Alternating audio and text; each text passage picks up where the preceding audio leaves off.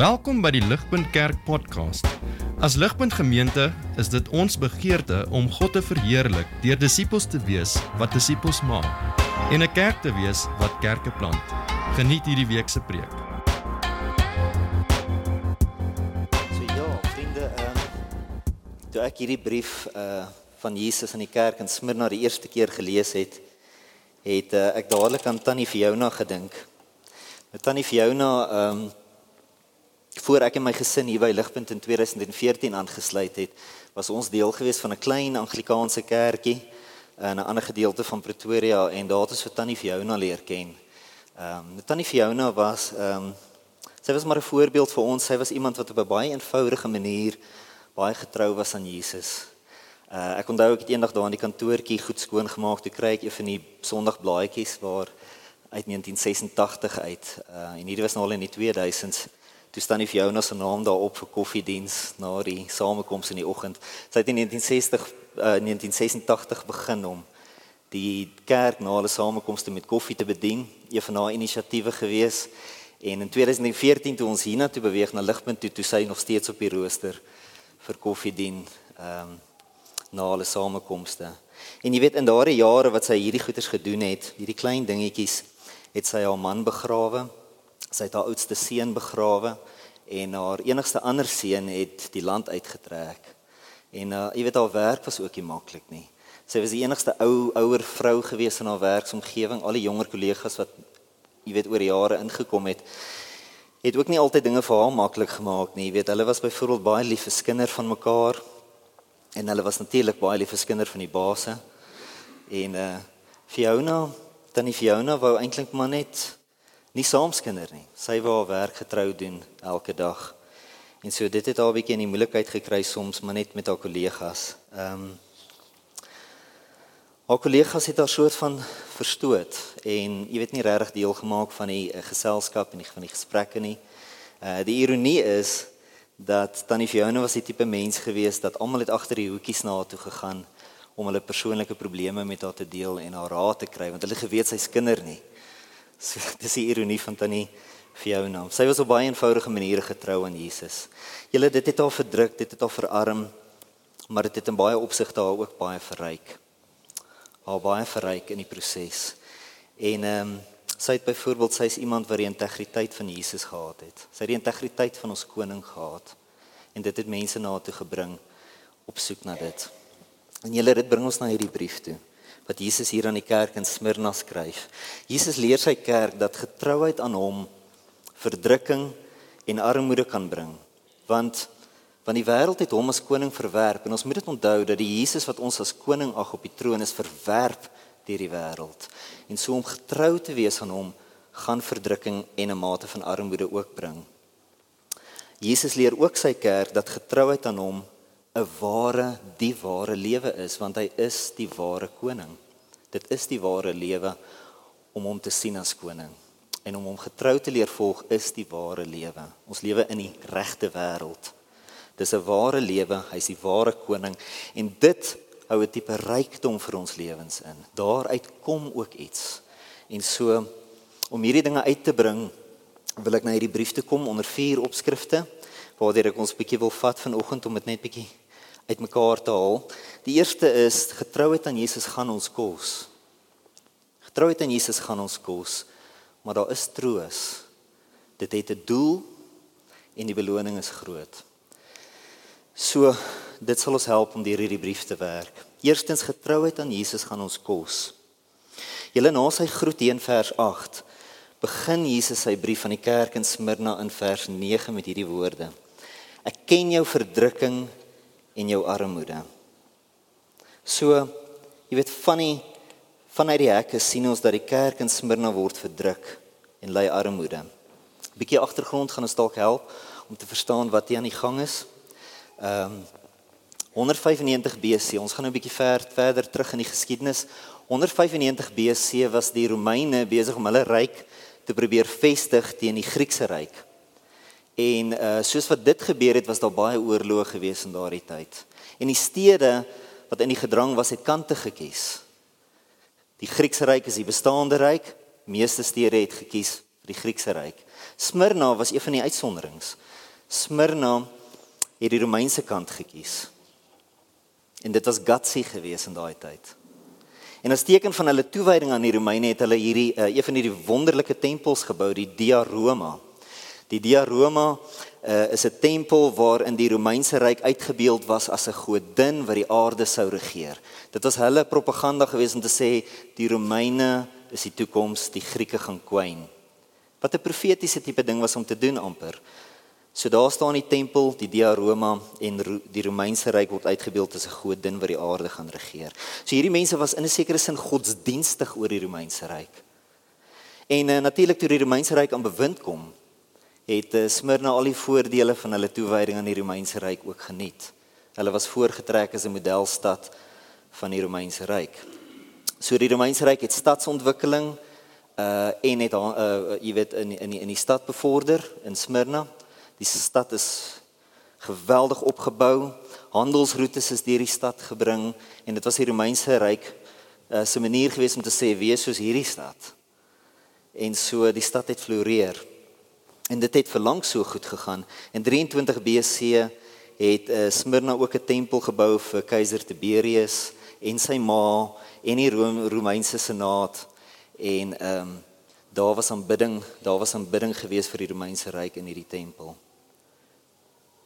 En so hulle formule op die lewe was redelik eenvoudig. Aanbid die keiser, aanbid sy senaat en sy ma en die Romeinse ryk gaan vir jou sorg. Dinge gaan goed gaan met jou. Ehm uh, so Smyrna was die voorbeeld julle van 'n getroue Romeinse stad gewees en dit het beroemd geraak as die lewenskraans. Interessante woorde Jesus gebruik het later in hierdie brief. Dit het beroemd geraak as die lewenskraans van die Romeinse ryk. En so ander stede het al voorbeeld gevolg met hierdie imperial cult. Tempeltjies het oral opge, opgekom, die keiser is aanbid en die Romeinse lewe het ingekom. Nou intussen julle uh, terwyl hierdie goed aangegaan het, het baie van die Jode wat uit die diaspora uitgekom het, het ook na Smyrna toe gekom. Want Smyrna was 'n floreerende stad en die Jode het in die diaspora het hulle ehm um, Jy weet hulle het Jerusalem verloor. Jerusalem was vernietig deur die Romeine. Hulle tempel is vernietig en so baie Jode het hier in Smyrna opgeëindig deur die diaspora en hulle het kom besigheid doen. Hulle het 'n uh, nuwe lewens kom herbou en hulle het sinagoges kom stig. En so dit was ook aan die gang gewees. Uh en die Romeinse beleid oor die Jode was om hulle uit te los. Los die Jode, los hulle God, los hulle snaakse gewoontes, los net hierdie mense uit. Want Hulle stad en hulle tempel is in elk geval reeds vernietig deur Rome. Dis geknakte mense. Hulle is geen gevaar vir die Romeinse ryk. Los hulle om hulle snaakse goed te doen. En so dit was die beleid gewees van die Romeine oor die Jode. Hulle was nie 'n gevaar nie. Die voorwaarde was dat uh die Jode in hulle sinagoges moes hulle die keiser ophef, hulle moes sy ma ophef, hulle moes die Romeinse ryk ophef. Hulle moes um, baie maak van van die Romeinse ryk en dit het hulle gedoen in die sinagoges. En saam met dit als het daar ook 'n Christelike kerk in Smyrna ontstaan. Ons weet nie presies hoe dit gebeur het nie. Ons dink Johannes en Paulus het waarskynlik iets daarmee te doen. Paulus het kerke geplant 35 myl verder in Efese. En so daar het iets gebeur, 'n kerk het in Smyrna ge, uh, geplant geraak en um, vir 'n ruk het dit goed gegaan met die kerk. Dit het goed gegaan in Smyrna met die kerk. Dit was 'n wonderlike stad om in te woon. En dit het goed gegaan met hulle want ehm um, Smyrna het hulle beskou as 'n Joodse sekte. So Uh, hulle het na hulle gekyk en gesien julle is deel van die Jode, so los hulle uit, los wat ook al hulle doen uit, moenie met hierdie mense Peter nie. En so hulle was uitgelos en hulle kon groei en sterk word. So wat toe gebeur het is die sinagoge leiers, die Joodse leiers in Smyrna het begin jaloers raak op die kerk. Want die kerk het gegroei en baie van die mense het uit die sinagoges uit weggeloop en by die kerk gaan aansluit. Wat sin maak want Judaïsme is nie heeltemal vir goeie nuus vir die nasies nie. Ehm um, en die Christelike boodskap was gewees Judaïsme is vervul deur die koms van Jesus Christus wat die koning is nie net van die Jode nie, maar van alle nasies. Hier's geen wall of hostility in 'n sinagoge hier nie. Almal kom in en kom in 'n direkte verhouding met God self deur sy seun Jesus. In 'n sekere sin het dit Judaïsme by die deur uitgegooi. So die sinagoges het begin leegloop, die sinagogeleiers het jaloers geraak En ehm um, wat hulle toe gedoen het is hulle het die leierskap van Smyrna, hulle het Smyrna toe begin opsweep teen die Christene. En vriende, ek wil hê ons moet op hierdie punt verstaan dat die Christene in Smyrna was getrou aan Jesus. Hulle was getrou aan die boodskap oor hom. Hulle was getrou om hom te volg. Ehm um, en dit het moeilikheid veroorsaak vir hulle. Want toe kom hulle in oppositie teen iets soos Judaïsme. En Judaïsme het eintlik 'n boodskap gehad wat mense probeer wegvat het af, wegvat van Jesus af. Judaïsme het vir Jesus verwerp. So die Christene het baie aktief teen dit gepraat en gesê dis leuns hierdie. Julle ontken julle eie koning. Dis nie dat hulle gaan oorlog voer teen die Jode in in Smyrna nie, maar hulle boodskap was 'n bedreiging vir hierdie ouens, want hulle was getrou. En so toe gaan die Joodse leiers na die uh, na die stadsowerhede toe en ehm um, hulle het die stadsowerhede oortuig dat hierdie Christene is eintlik glad nie deel van die Joodse godsdiens nie. Inteendeel, hierdie ouens is besig met iets wat die keiser as die ware koning van God ondermyn. Hulle is 'n klomp ehm um, opstokers. Hulle missie is om die Romeinse ryk te vernietig. En hierdie goed is besig om onder julle neuse te gebeur. En hierdie beweging groei. En so Smyrna begin bekommerd raak oor die saak. En julle so dis soort van wat aanleiding gegee het tot die dinge wat met die kerk begin gebeur het. Ehm um, Ons lees van hierdie dinge wat hierdie sinagogeleiers gedoen het in vers 9 en die res van vers 9. Dit sê daar ek weet ook van die lastering deur diegene wat beweer dat hulle Jode is en dit nie regtig is nie, maar 'n sinagoge van Satan. Sien Jesus verwys hier na dit wat hierdie Joodse leiers doen, nê? En die gevolg was dat Christene in Smyrna meer en meer verstoot was. Dis waar dit begin het. Hulle was verstoot as opstokers en besighede wou nie met hulle besigheid doen of hulle in diens neem nie. En so verdrukking en armoede het ingetree. Maar in hierdie tyd julle het die kerk getrou gebly aan die boodskap van Jesus, getrou gebly om hom te volg, om in sy uh, leer te lewe, sodat mense kon sien hierdie is volgelinge van Jesus. Hulle is Christene. En so dit was redelik duidelik. Hulle het voortgegaan met dit. En so die sinagogeleiers het besef meer moet gedoen word. Ehm um, meer moet gedoen word. En so hulle het Smyrna toe verder oortuig om Christene aktief te begin vervolg. En so vriende, dis presies in hierdie tyd wat dinge so geeskaleer het in Smyrna, wat ons begin swaai na dit toe wat Jesus intree en hy skryf hierdie brief vanaf die troon en gee dit vir Johannes om vir die kerk te gee. Jesus praat baie aktueel in op die situasie deur hierdie brief. En hy praat met sy kerk oor wat kom want hier's wendinge wat nou plaasvind in die stad. En so in vers 10 vertel hy hulle moenie vir enigiets wat jy nog gaan ly bang wees nie. Kyk, die duiwel gaan sommige van julle in die tronk laat gooi sodat julle getoets kan word. 10 dae lank sal julle verdruk word. Wees getrou tot die dood toe. Nou julle hierdie woorde van Jesus het presies uitgespeel. Dit het presies so uitgespeel. Net 'n kort rukkie na hierdie brief van die gemeente gegee het hierdie dinge begin. Toe weer die kerk luister na Jesus want hier kom dit. Smyrna het kerkleiers in die tronke begin gooi om Christene te intimideer en hulle toe dit nie werk nie. Toe was hulle in die publiek gesleep, beveel om Jesus te ontken, die leiers kyk die keiser te aanbid of doodgemaak te word. So dinge het vinnig geeskaleer. En so het dit toe gebeur, uh sommige van julle het al gehoor van Polycarp. Toe het dit gebeur dat Polycarp die biskop van die kerk in Smyrna. En Polycarp was self een van Johannes die apostel se disippels gewees en is aangestel waarskynlik deur Johannes as 'n biskop van die kerk in Smyrna. Hierdie Polycarp uh het toe sy lewe verloor vir getrouheid aan Jesus. Smyrna het hom uit 'n tronk gesleep het hom in die publiek skuldig bevind as 'n opstoker teen die Romeinse ryk. Klink bekend, nê, nee, soos dit wat in Jerusalem gebeur het met Jesus. Hy is skuldig bevind as 'n opstoker teen die Romeinse ryk en hy's beveel om Jesus te ontken en die keiser te aanbid in die vermaaklikheidssoort van senter van die stad waar almal nou kan kyk na hierdie storie.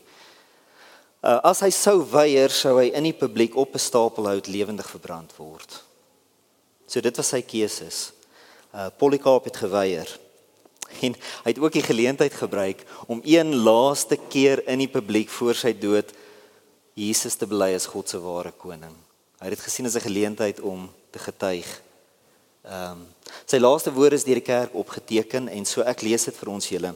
Hy sê 86 years I have served him. Praat met die stad. 86 years I have served him. And he has done me no wrong. How then can I blaspheme my king and savior? Ehm um, na die vlamme hom nie heeltemal doodgebrand het nie, het mense net na hom toe gehardloop en hom met messe verder doodgesteek. En so hy was die 12de slagoffer van die kerk in Smyrna. Julle hierdie is die vaders van ons kerk. Hierdie is die mense wat ons kerk help vestig het in die wêreld. Julle dis hoe die kerk in Smyrna Jesus se brief aan hulle ter harte geneem het. Dis wat hierdie brief beteken het vir die eerste mense wat dit gehoor het. So daar's bietjie gewig aan die ding. Dis hoe hulle dit gehoor het. Dis hoe hulle dit ter harte geneem het. Hulle was soos wat hy in sy brief gevra het, getrou tot hom aan hom tot die dood toe. Polycarp was verseker beïnvloed deur Jesus se woorde daai dag toe hy moes keuses maak. En ons gaan nou 'n bietjie meer daarna kyk. Nou julle, jy weet, obvious punt. Ons gaan dalk nie môre ons lewens hoef te verloor vir getrouheid aan koning Jesus, jy weet, op die Paulkreerplein in die middestad nie. Maar getrouheid aan koning Jesus gaan ons almal waarskynlik iets kos. Dit gaan ons almal iets kos. Vir Tannie Fiona het beteken dat sy nie kan skinder van mense vir wie haar koning sy lewe kom gee het nie en dit het haar gekos en hierdie voorbeeld vanaand my al baie ontbloot vir sulke goed doen. Uh twee van my vriende, 'n paartjie, Bongani en Boykobu wat ons van universiteitsdae af geken het. Dit het vir hulle beteken dat hulle as elektriese ingenieurs nie kon deel in die klein korrupsies van Eskom in Witbank waar hulle gewerk het nie. En hulle moes met 'n gesukkel ander werk kry. Ook te midde baie kritiek van hulle weier families wat nou die finansiële ondersteuning wat die Eskom salarisse hulle sou bied moes verloor en nie verstaan het waaroor dit gaan nie. Die punt is getrouheid aan Jesus gaan ons almal pad langs iets kos. En dis die eerste punt wat hierdie brief van Jesus maak aan sy kerk. Maar julle dan sal 'n tweede punt wat bykom en dis ook 'n baie belangrike punt om te maak en dit is dat daar troos is. Daar's troos. En dit kom uit daar in vers 9 in die woorde van Jesus in vers 9 waar ons lees. Kom ons kyk weer na daai woorde. Ek ken jou verdrukking en jou armoede. En bietjie aan met die vers. Ek weet ook van die lastering.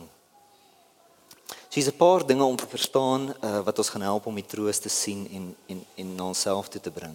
Dat ons koning ken en dat hy weet wat in ons lewens aangaan is behoudend vir ons. Dis 'n behoudende gedagte hierdie.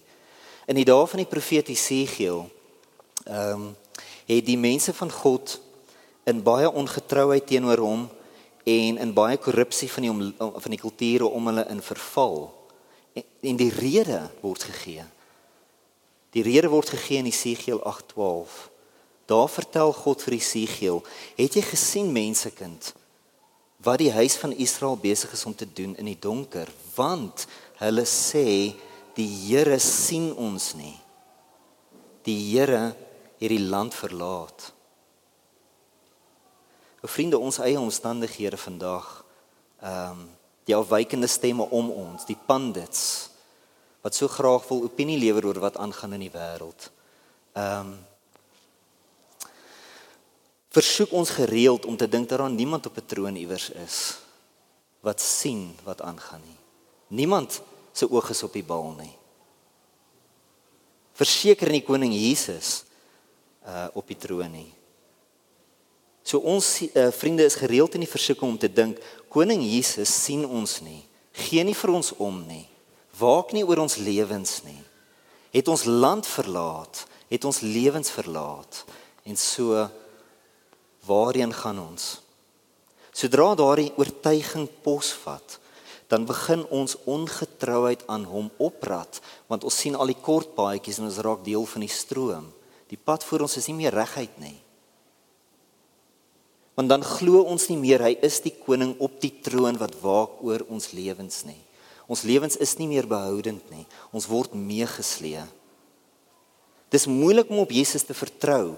Dis baie moeilik om hom getrou te leer volg deur moeilike situasies wat ons gaan kos as ons nie glo hy is op die troon en weet wat in ons lewens aangaan nie. Jy sien? Aan die einde van die boek van Rigters weer uh, uh lees ons in daardie tyd was daar geen koning in Israel nie. En elkeen het gedoen wat reg was in sy eie oë. sien dis die versoeking. Ons begin afwyk van Jesus wanneer ons nie meer glo dat hy oor ons lewens waak nie. En dit is 'n stryd om dit te bly glo, is dit nie? Hy waak oor jou lewe. En in hierdie brief het ons die troos, soos wat Jesus met sy kerk praat in moeilike tye, die troos dat koning Jesus ons lewens ken en dat hy weet waartoe ons gaan. En wat dit ons leer julle is om na hom te bly kyk vir leiding soos wat die pad nouer word en moeiliker word en meer klipperig word. Dit leer ons om te bly draai en te sê Jesus lei ons, lei ons, sien ons, weet, ken soos vir die lewe met ons bly gebeur. Julle en dis die troos. Maar die troos gaan bietjie verder as dit ook. Dis nie net dat hy oor ons lewens waak vanaf die troon nie. Kyk weer na die woorde daar in vers 9. Dis ook dat hy ons lewens ken as iemand wat dit self deur is. So hy praat nie uit 'n hoog plek uit af op ons as hy dit sê nie. Hy praat as iemand wat self deur die lewe is. So kyk weer na vers 9. Ek ken jou verdrukking en jou armoede. Ek weet ook van die lastering. Bedoelende ek self deur die dinge waartoe jy gaan. Als wat met die kerk in Smyrna gebeur het, het met Jesus in Jerusalem gebeur. Hy is nie net die koning oor ons wat weet waartoe ons gaan nie. Hy is die koning met ons. Hy is die koning voor ons wat weet hoe om ons daardeur te vat. Hy sny 'n spoor vir ons. Die hart van hierdie troos uh opgesluit in vers 8. Kyk bietjie daarso waar Jesus sy kerk groet aan die begin van hierdie brief. Daar lees ons skryf ook aan die boodskapper van die gemeente in Smyrna. Dit sê die eerste en die laaste wat dood was maar lewend geword het.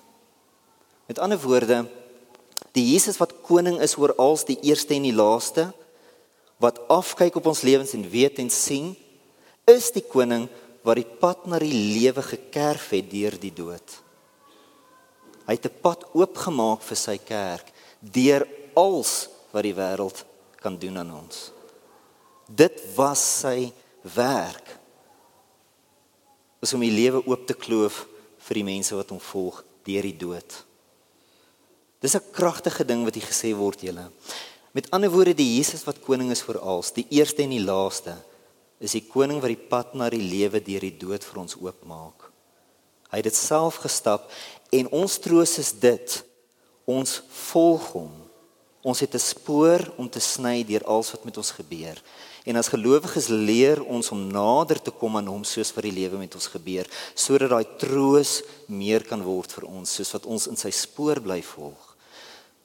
1 Petrus 2:21, net ietsie wat ek vir julle wil lees daar. Dit sê Christus het ook ter wille van julle gelei. Hy het vir julle 'n voorbeeld nagelaat sodat julle in sy voetspore kan volg. Nou julle voor Polycarp in Smyrna, ehm um, die vlamme in is, was hierdie sy laaste gebed en hoor bietjie of hierdie gebed vir julle iets wat bekend klink. Hierdie was sy laaste gebed en dis ook vir die kerk opgeteken vir ons. Want terwyl hy dit gedoen het, het hy dit oorgegee aan die res van die kerk om in sy spore te volg, soos wat hy in Jesus se spore volg. In die troos van Jesus het hy geleef. Hoor hierdie woorde. Hy sê I bless you Father for judging me worthy of this hour. Klink dit nie soos Jesus se spoor nie? Toe hy die kruis op is nie. Hierdie was koning Jesus se eie presiese spoor na die lewe deur die dood om homself toe te vertrou aan sy Vader vir gereg en vir redding. Polycarp staan in die troos van Jesus. Dit leer ons julle om na Jesus te bly kyk vir leiding soos vir die lewe met ons gebeur. En so dis 'n ding vir ons as 'n kerk om te leer vandag. Ons moet pas op vir die murmurering en die gekla oor als en ons moet waak dat ons bly na Jesus toe kom om te leer by hom hoe lewe die kerk in hierdie tye? Hoe gaan ons vorentoe saam met hom? En julle dis ons troos in ons getrouheid aan hom. Wat dit ons ook al mag kos.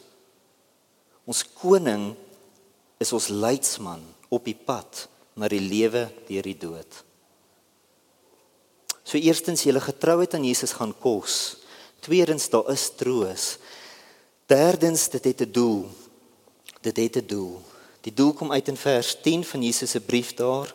Dit sê moenie vir enigiets wat jy nog gaan ly bang wees nie. Kyk, die duiwel gaan sommige van julle in die tronk laat gooi en hier is die doel sodat jy getoets kan word. 10 dae lank sal jy verdruk word sodat jy getoets kan word is die doel. Nou uh ons moet nie hier dink aan onderwysers wat uh vraestelle opstel of toetse opstel vir almal om te dryp nie. Jy kry daai ouens. Ons moet hier dink aan 'n onderwyser wat toetse opstel vir almal om te leer. Vir almal om te leer. Om te weet wat ons kinders op skool leer, uh kyk ons as ouers na die uitslae van hulle toetse. Ek weet nie wat julle ouens doen nie. Ek weet nie of julle julle stories glo nie, maar ons kyk na die uitslae van hulle toetse. En uh, as hulle nie getoets word nie, is dit ook moeilik om te weet wat hulle wat hulle leer en of hulle enigiets leer. Dis 'n basiese beginsel van die lewe. Dis nie 'n negatiewe gedagte nie. As dit was met ons ons kinders dadelik gaan red. Vriende, ons leer om Jesus te vertrou en om getrou te volg wanneer ons getoets word om dit te doen. Wanneer ons dit moet doen. Wanneer dit nodig is vir ons om dit te doen, dan leer ons dit wat ons sê ons glo regtig glo.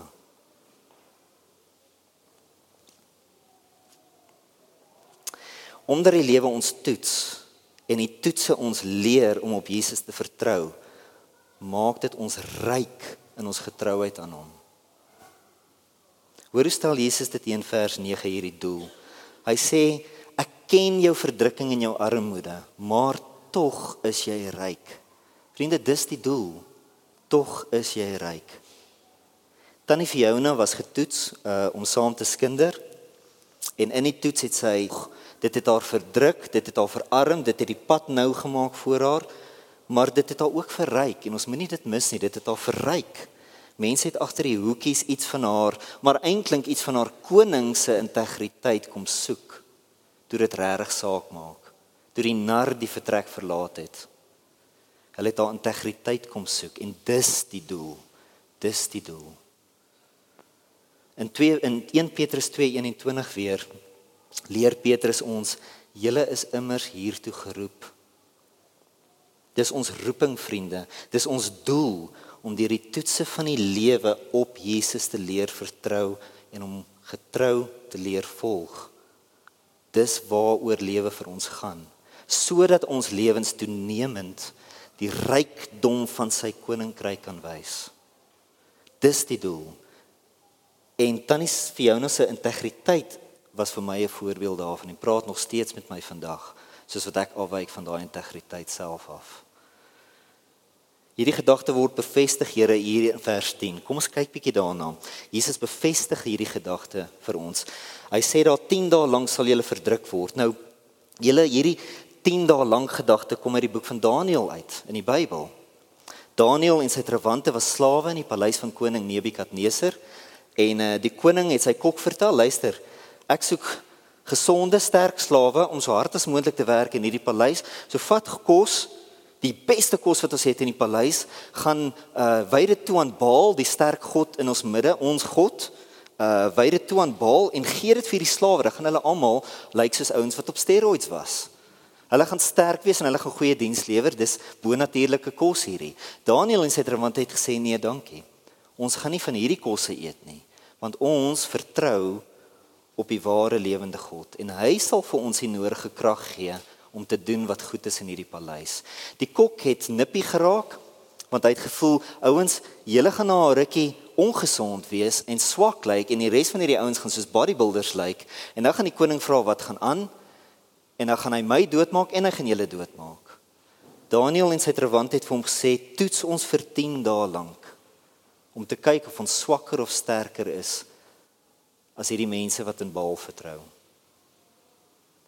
En na 10 dae was Daniël en sy trawante meer gesond op die ekwivalent van brood en water.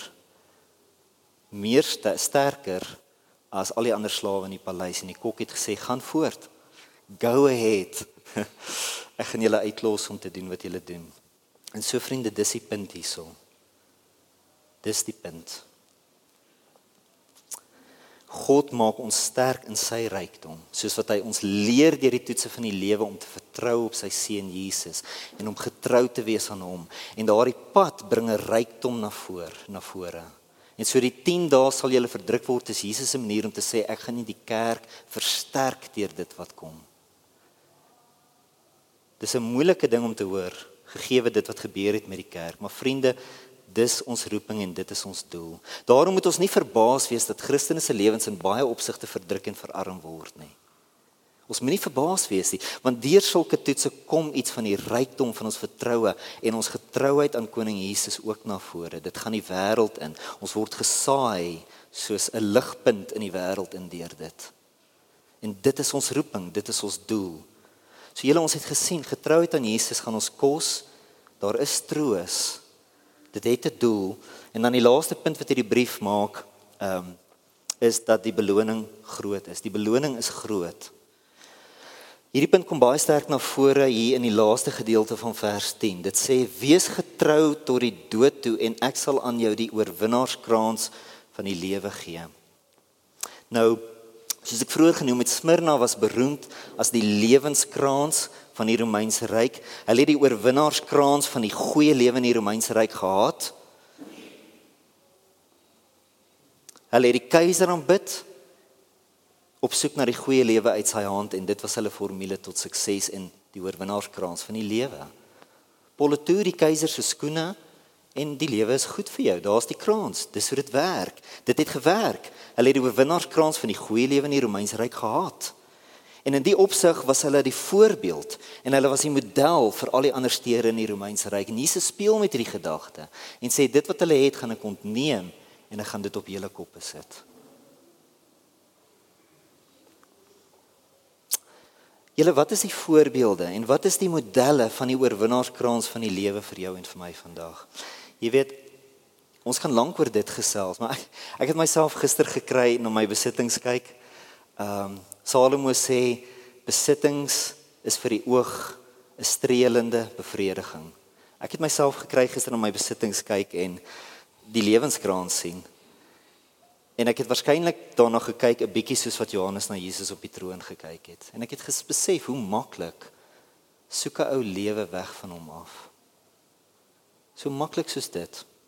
Wat is die voorbeelde en die modelle van die oorwinnaarskraans van die lewe vir jou en vir my vandag? wat dit ook al is, as dit ons laat glo dat ons nie op Jesus hoef te vertrou nie, dat ons hom nie regtig nodig het nie, brood nodig het nie.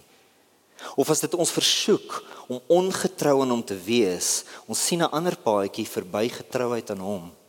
Wat dit ook al is, soos dit vir Smyrna het, sal dit vir ons 'n kortsigtige ding wees. Dit sal iets baie kortsigtig wees.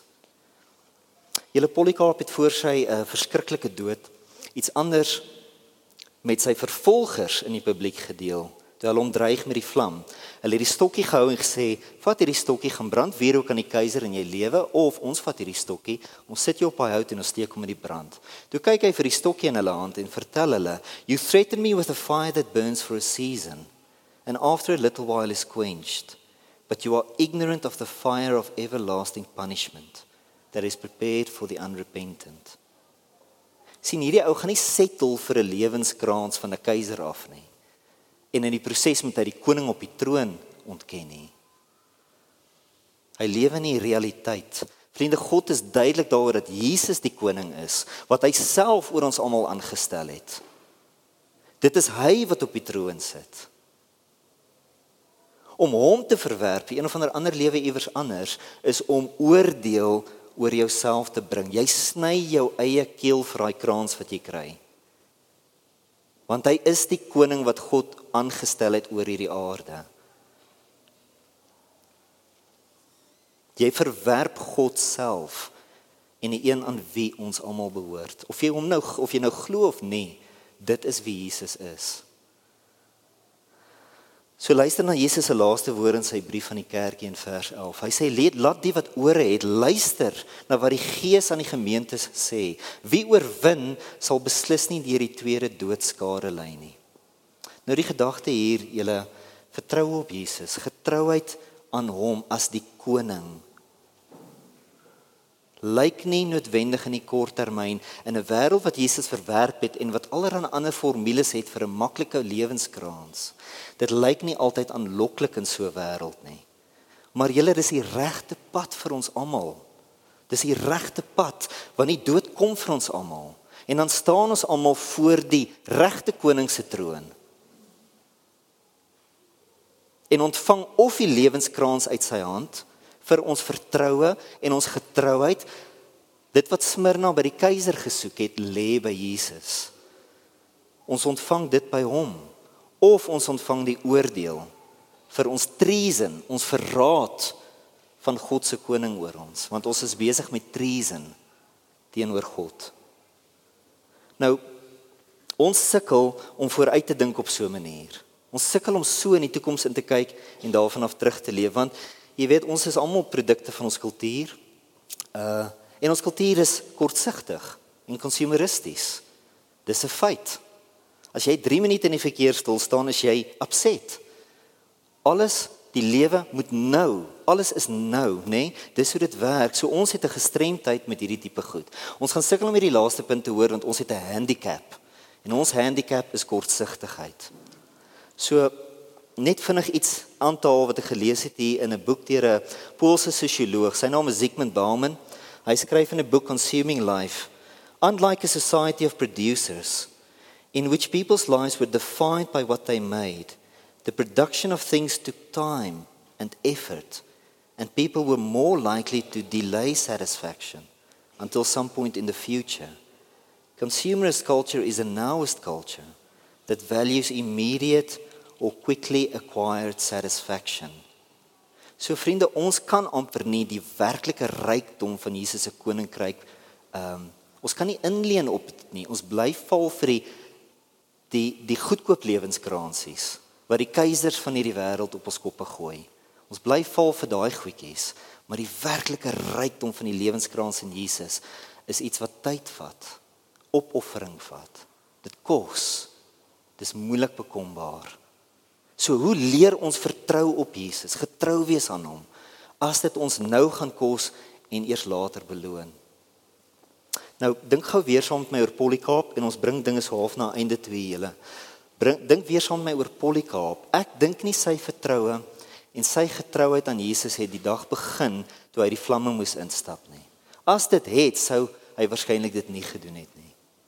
Onthou sy eerste woorde nê wat ek ver oggend met ons gedeel het. Kom ons dink weer oor daai woorde. 80 and 6 years I have served him. So hy moes minstens 87 gewees het hierso. Minstens. As hy op een begin het, remarkable man. How then can I blaspheme my king and savior now? Sien ons hoe werk hierdie ding? Nou in kung fu is daar 'n beginsel wat geld en hulle noem dit 'n uh, shouhari. Uh ons drie seentjies doen al drie karate. Ou tel hierdie goed op. Shouhari is 'n beginsel wat geld. Die karate kid, die ou oorspronklike karate kid film is 'n demonstrasie van hierdie beginsel shouhari. Show is doen presies wat die meester vir jou wys om te doen. Hy klap jou oor die kop as jy dit nie reg doen nie. Presies soos wat hy vir jou wys. Doen dit presies soos wat hy jou wys. Dis show. Ha gaan oefen dit elke liewe dag tot dit jou begin doodmaak. Gaan oefen en oefen en oefen en oefen en oefen elke dag dit vir die meester jou wys. En rie, wanneer die groot houe kom, weet jy skielik wat om te doen. En dis kung fu. Polycarp was 'n grand master in kung fu. Julle dis hoe hy dit gedoen het. Nê? Nee? Polycarp was getrou tot die dood toe want hy het vir 86 jaar geoefen. Nou julle as ons nie in die klein dinge ehm um, gaan leer vertrou op Jesus en getrou wees aan hom nie, dan gaan ons nooit in die groter dinge oorwin nie. En die lewe gaan ons toets. Dit gaan ons toets. Die kanker of die dood of wat ook al kom, gaan ons regtig toets. So dis nie 'n trivial ding om elke dag te gaan oefen nie. as ons nie in die klein dinge gaan leer getrou wees en leer vertrou nie, gaan ons nie oorwin in die groter dinge nie. Julle Jesus roep ons om ons vertroue op hom en ons getrouheid aan hom te gaan oefen elke dag. Dis die roepie, gaan oefen dit elke dag want die beloning is groot. So hy wil hê dat ons dit sien, die beloning is groot en dan wil hy ons moet terugkom na die klein besluite van elke dag. Ek weet nie hoe gaan dit by julle nie. Daar's by ons twee goeders in ons huis waarmee ons tans besig is, goeders wat ons aan werk, wat ons besef ons moet aan werk. Die eerste is gereelde bepaalde tye elke week wat ons onsself en ons kinders by gebed en by die Bybel uitbring om te leer wie Jesus is, wat hy doen, wat hy ons leer om te doen, hoe om sy spoor te sny. Elke week getrou te wees daarin om dit te doen in ons huis, want dit gaan vinnig van die tafel af. Dis een klein oefenplekkie vir ons. Die ander oefenplekkie is ehm um, is om mooi en met geduld na mekaar te luister en met mekaar te leer praat in die huis. Want so wil ons die barmhartigheid van ons koning laat regeer in ons huis. Ons soek die rykdom van sy barmhartigheid. Want uh, dit gaan ook baie gou van die tafel af. Dis net so by ons, ek weet, daar is twee van die klein oefengronde waar ons ons geloof oefen op hierdie stadium. Maar vriende, ons almal het sulke oefengronde vir vertroue en getrouheid aan Jesus in ons lewens. En die punt is, kom ons daag op en oefen want die beloning is groot. So ek wil afsluit met hierdie woorde 'n uh, gedagte. Chris Vos, hy's 'n gijslaer onderhandelaar, 'n hostage negotiator, klink dit beter. Uh hy skryf in 'n boek, Don't uh Don't Split the Difference, skryf hy hoe hy met gijslaers onderhandel en hy begin so met hulle. Ehm um, waar is die beste plek waar jy ek en die ou wat jy ontvoer het kan wees oor 'n jaar van nou af? Belangrik die ou wat jy ook ontvoer het. Moenie net vra waar is die beste plek vir die gijslaer want dit dit gaan syt gaan. Beste plek vir jou, die ou wat jy ontvoer het en vir my 'n jaar van nou af. Voor ons enigiets vandag doen, kom ons begin daar en dan begin ons besluit hoe moet die res van hierdie dag loop. En vriende, dis die gedagte hier. Jesus wil hê ons moet sien waar die lewe is en ons moet terugkom na die klein daaglikse dingetjies wat nodig is om ons daar te kry. So vriende, getrouheid aan Jesus gaan ons kos, daar's troos. Dit het 'n doel en die beloning is groot. Uh, mag die Here ons help met hierdie boodskap. 'n Wonderlike brief. Kom ons bid. Here Jesus, dankie dat U met die kerk praat deur briewe soos hierdie. Here, ons het hierdie woorde nodig. Ons lewe in dieselfde wêreld niks het verander nie. Here, u waarheid bly dieselfde vir ons. Ons is deel van die kerk. Dis ons boodskap hierdie. Here, u wil hê ons moet dit ter harte neem. Ons is nie goed hiermee nie, Here. Dankie Here vir die troos vanoggend dat u 'n spoor voor ons gesit het. Dankie Here dat U 'n koning is wat ons sien en weet wat in ons lewens aangaan en met ons op die pad is. Dat U ons roep na ware lewe toe. Dat U ons wil spaar en red van al die vals lewenskraanse wat daar is. Dankie Here dat U nie tevrede is dat ons vir enigiets minder as U lewe nie. Here help ons om dit te sien. Help ons as 'n kerk om getrou te wees aan U tot die dood toe. Ons bid dit in U naam. Amen. Dankie. Vir meer inligting oor Ligpunt Kerk, besoek gerus ons webwerf op www.ligpunt.com of kontak ons gerus by info.luchtpunt.com.